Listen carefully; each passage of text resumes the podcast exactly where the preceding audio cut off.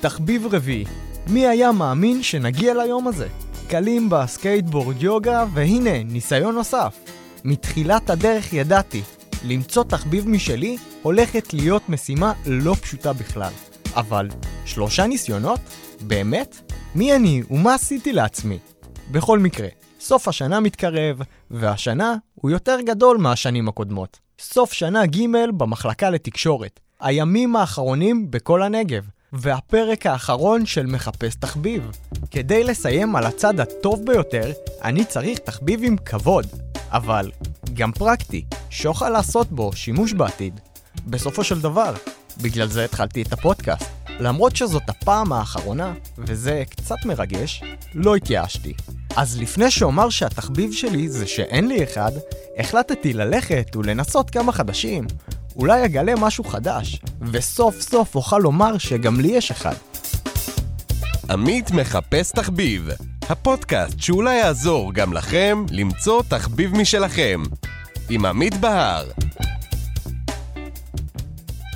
אז בניסיון הרביעי, אבשל בירה. אני בשלן גרוע.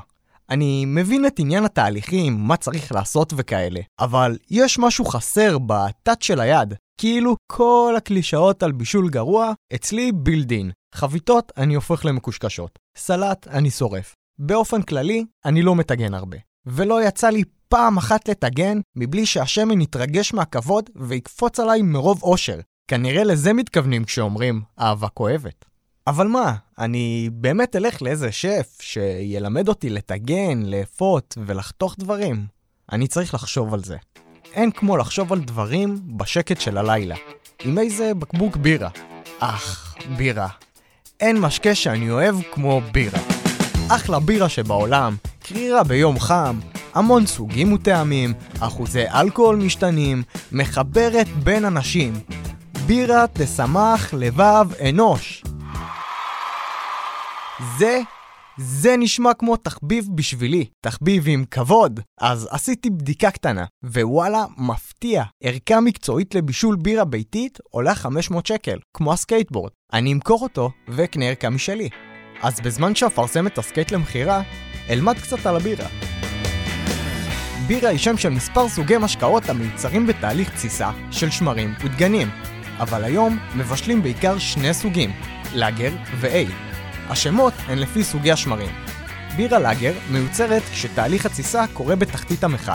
שמרים מסוג לאגר מתרבים טוב יותר בטמפרטורה של בין 4 ל-15 מעלות. בגלל זה צריך לקרר את המכל בזמן התסיסה. הבירה תצא בדרך כלל בהירה יותר ומוגזת יותר.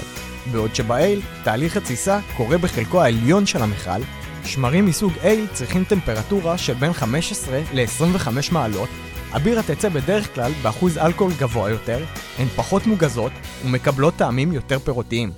רגע, רגע, רגע, תסלחו לי על העצירה הפתאומית, אבל אשכרה יש מקצוע שנקרא עוצר בירה, כמו העוצר מהמוזיאון, רק מגניב יותר.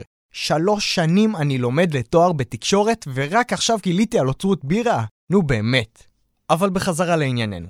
לפני שנתחיל בבישול, נפגשתי עם ניר גבעתי, חבר מהלימודים. הוא מבשל בירה עם ערכה ביתית, אבל איך בכלל הוא התחיל עם התחביב הזה? אז uh, לפני איזה כמה שנים אז יצאנו לטיול אחרי צבא, אני וחבר, קוראים לו דניאל בילמס, בחבר'ה קוראים לו בילי.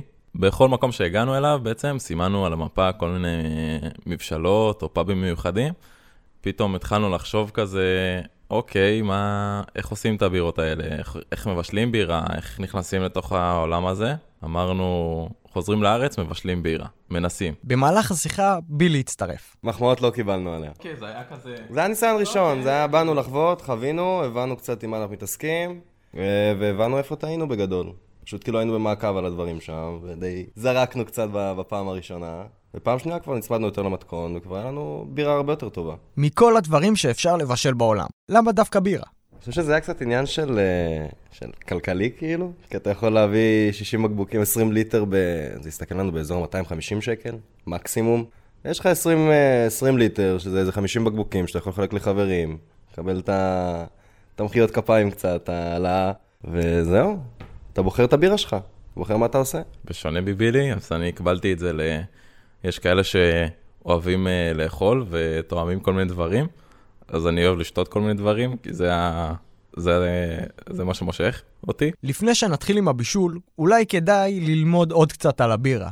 אז אין הסכמה בין החוקרים לגבי מתי בדיוק האדם גילה את הבירה. מה שבטוח זה שאנשים שותים אותה בכל רחבי העולם כבר אלפי שנים. יש כאלו שיגידו 8,000 שנה, ויש כאלו שיקחו אותנו רחוק יותר, 14,000 שנה.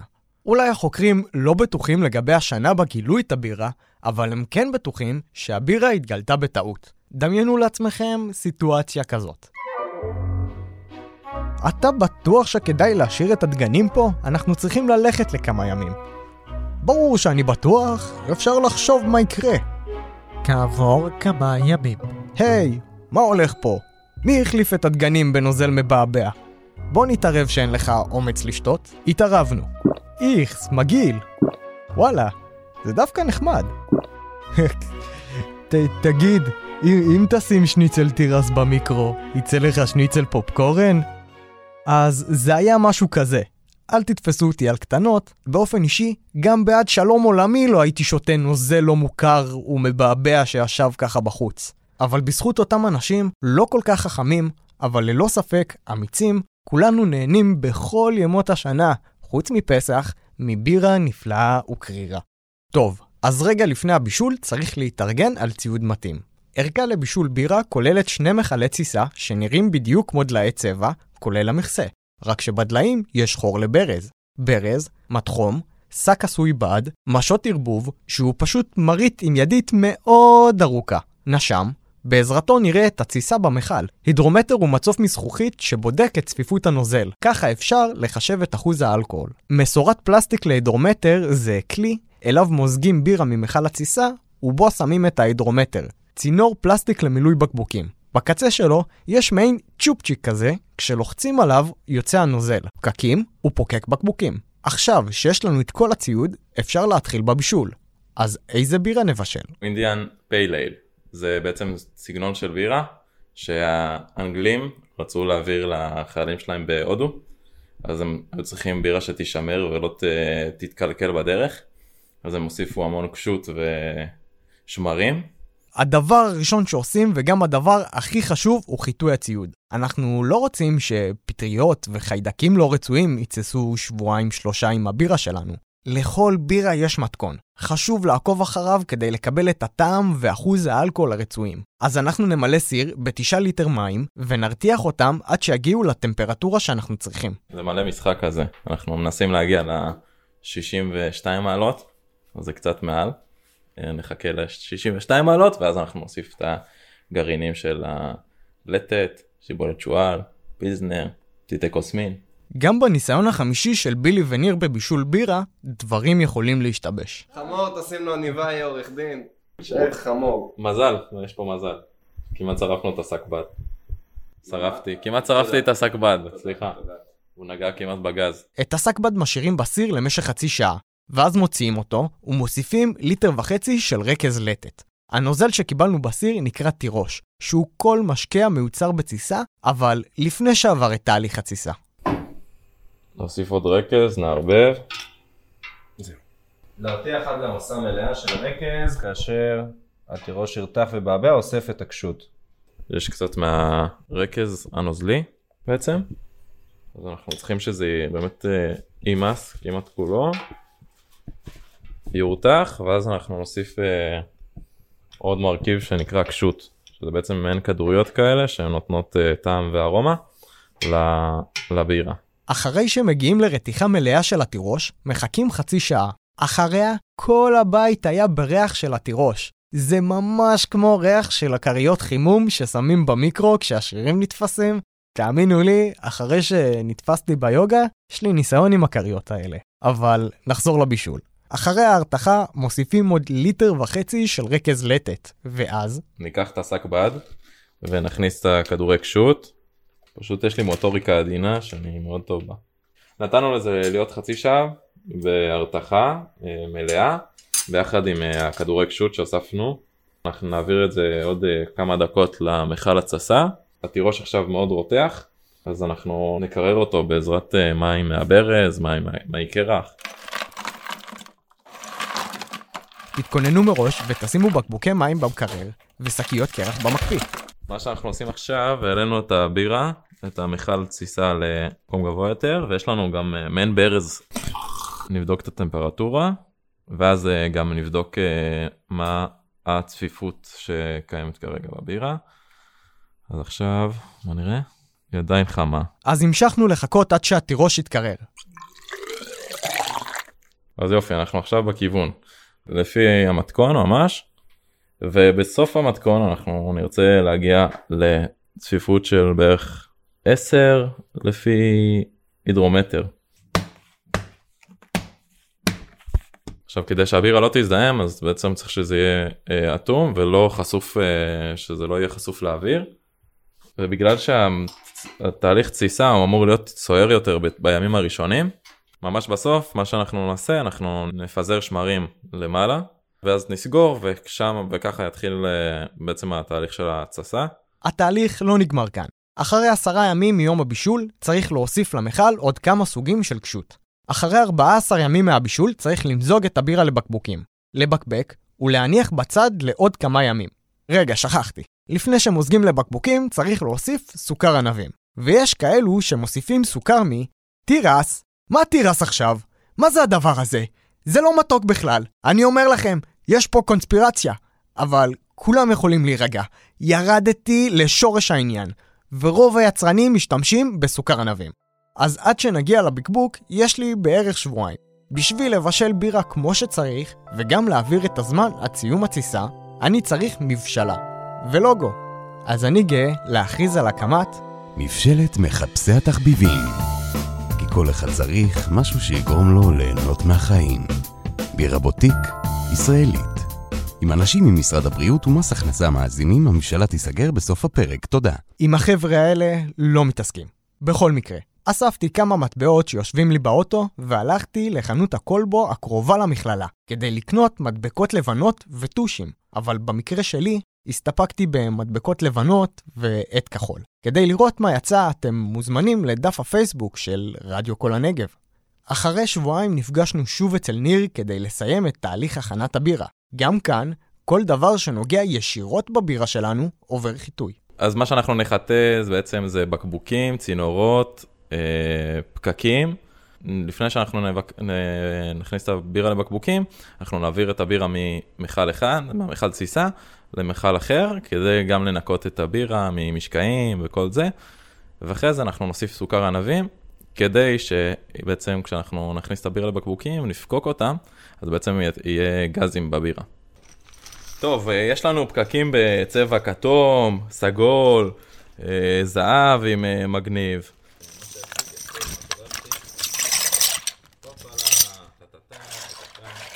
אז חיטינו את כל הציוד, בקבוק בקבוק, פקק פקק, ונתנו להם זמן להתייבש. לקחנו עוד גימה מהבירה כדי לבדוק את אחוז האלכוהול הסופי, ושוב תקלות. אל תיכנס עכשיו לזה, זה לא ייכנס לפודקאסט הבא. בעיקרון זה צריך להיות עד הירוק של ההידרומטר. ואז בעצם זה הערך הסופי צריך להיות 1 נקודה... בסדר, אז כאילו, יצא לנו בירה של עשר. 5 נקודה משהו אחוז. הפוך. הפוך, פחות. של 4. כאילו- אם היא הייתה אמורה להיות 5, תצא... אז זה היה, ארבע. זה היה אמור להיות מעל ה-10 בשביל שזה יהיה כאילו אחוז. זה היה צריך להגיע... כאילו. כמה שזה כן. יותר בפנים, אז האחוז יותר גבוה. כן. כאילו כמה שיותר צפה, יותר חלשה. לפני שנתחיל במילוי הבקבוקים, ניר החליט לטעום מהבירה. הבירה עכשיו כרגע היא בלי גזים. מזגתי כוס, ובוא נראה, ניתן את ה... אם יהיה בסדר או לא. ממש אין גזים, אבל אה, בירה. כן, היא, כן, אוקיי. אבל אני כאילו מרגיש, כנראה שהגזים ייתנו פה שיפור, או שיהיה פה עוד איזשהו תהליך שכן ייתן עוד בוסט לטעם. כי טעם של בירה כן, זה אחלה, כאילו בירה טעימה. טעמתי בעצמי, בכנות, זה לא היה רע. אחרי כל ההכנות, הגענו לרגע שכולנו חיכינו לו. מילוי ופיקוק הבקבוקים. הבקבוק הראשון של הבירה שבישלנו, אז מה שאנחנו עושים, יש לנו מקל מילוי, ואז אנחנו מכניסים את המקל מילוי עם הבירה אה, לבקבוק. אה, בקבוק הראשון, שלאגר. יאללה, טירוף. בירה ראשונה שלנו, בירה שפירא. עכשיו צריך לבקבק אותה. יאללה, נבקבק לפקק אותה. נפוקק אותה. כאן אני שם אותה על, ה... על המכשיר בעצם, שם את הפקק הלא מוכן, הלא סגור בעצם, על הבקבוק, ופשוט סוגר את זה בכוח עליו. ויש לנו בקבוק ראשון סגור. ורק עוד 50 ומשהו בקבוקים. מסקנות מהבישול הראשון. פיקוק ראשון היה קל. פיקוק שני היה נחמד. פיקוק שלישי קצת קשה. את הרביעי לא הצלחתי. בואנה, לפוקק זה קשה. לערכה שלי אדאג לפוקק חשמלי. למרות זאת, אני חייב לומר, התהליך כולו לא היה ממש קשה. כמעט בכל עיר גדולה יש חנות שמוכרת מצרכים וציוד. באמת, כל אחד יכול לקנות לעצמו ערכה, לחפש מתכון באינטרנט וליהנות מבירה ביתית, טריה וטובה. אני אוהב בירה, וכמו שבילי אמר בהתחלה, יש לזה צד כלכלי. שלוש אישיות זה 120. המצרכים להכנת הבירה הזאת עלו 120 שקל, וקיבלנו בסביבות ה-50 בקבוקים, ועוד לבירה שהיא לא סטנדרטית. למרות ששתייה מרובה של משקאות אלכוהוליים מזיקה לבריאות, שתייה לעיתים יכולה לעזור. בירה עשירה בוויטמינים מקבוצת B, ומלאה במינרלים כמו אשלגן, מגנזיום ואבץ. היא יכולה לשפר את התפקוד של מערכת החיסון, להגן על הלב ולאזן את רמת הסוכר בדם. תשמעו, מה אני אגיד לכם? יש מצב שסוף סוף מצאתי תחביב. כמובן שזה בתנאי שיש דבר כזה פוקק חשמלי. אז, פרק אחרון.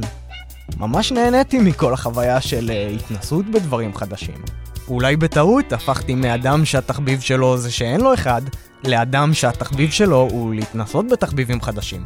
למרות שזה נוגד את מי שאני, אחד שאוהב את המוכר והבטוח, אבל אנשים גדלים ומתפתחים עם השנים. אז גם אני. כי מי אמר שבישול בירה חייב להיות התחביב שלי? אולי זה הסוף, אבל תמיד אוכל לחזור למילואים ברדיו כל הנגב. כדי לעשות ספיישל על מציאתו ונפילתו של האדם שאמר שלכל אחד צריך להיות תחביב. אז אל תרגיש יותר מדי בנוח, יום יבוא ויקראו לי לדגל. אתם ואתן האזנתם לעמית מחפש תחביב עם עמית בהר. תודה רבה לניר גבעתי ודניאל בילמס. אולי נשתמע בספיישל, ועד אז, תיזהרו מתירס.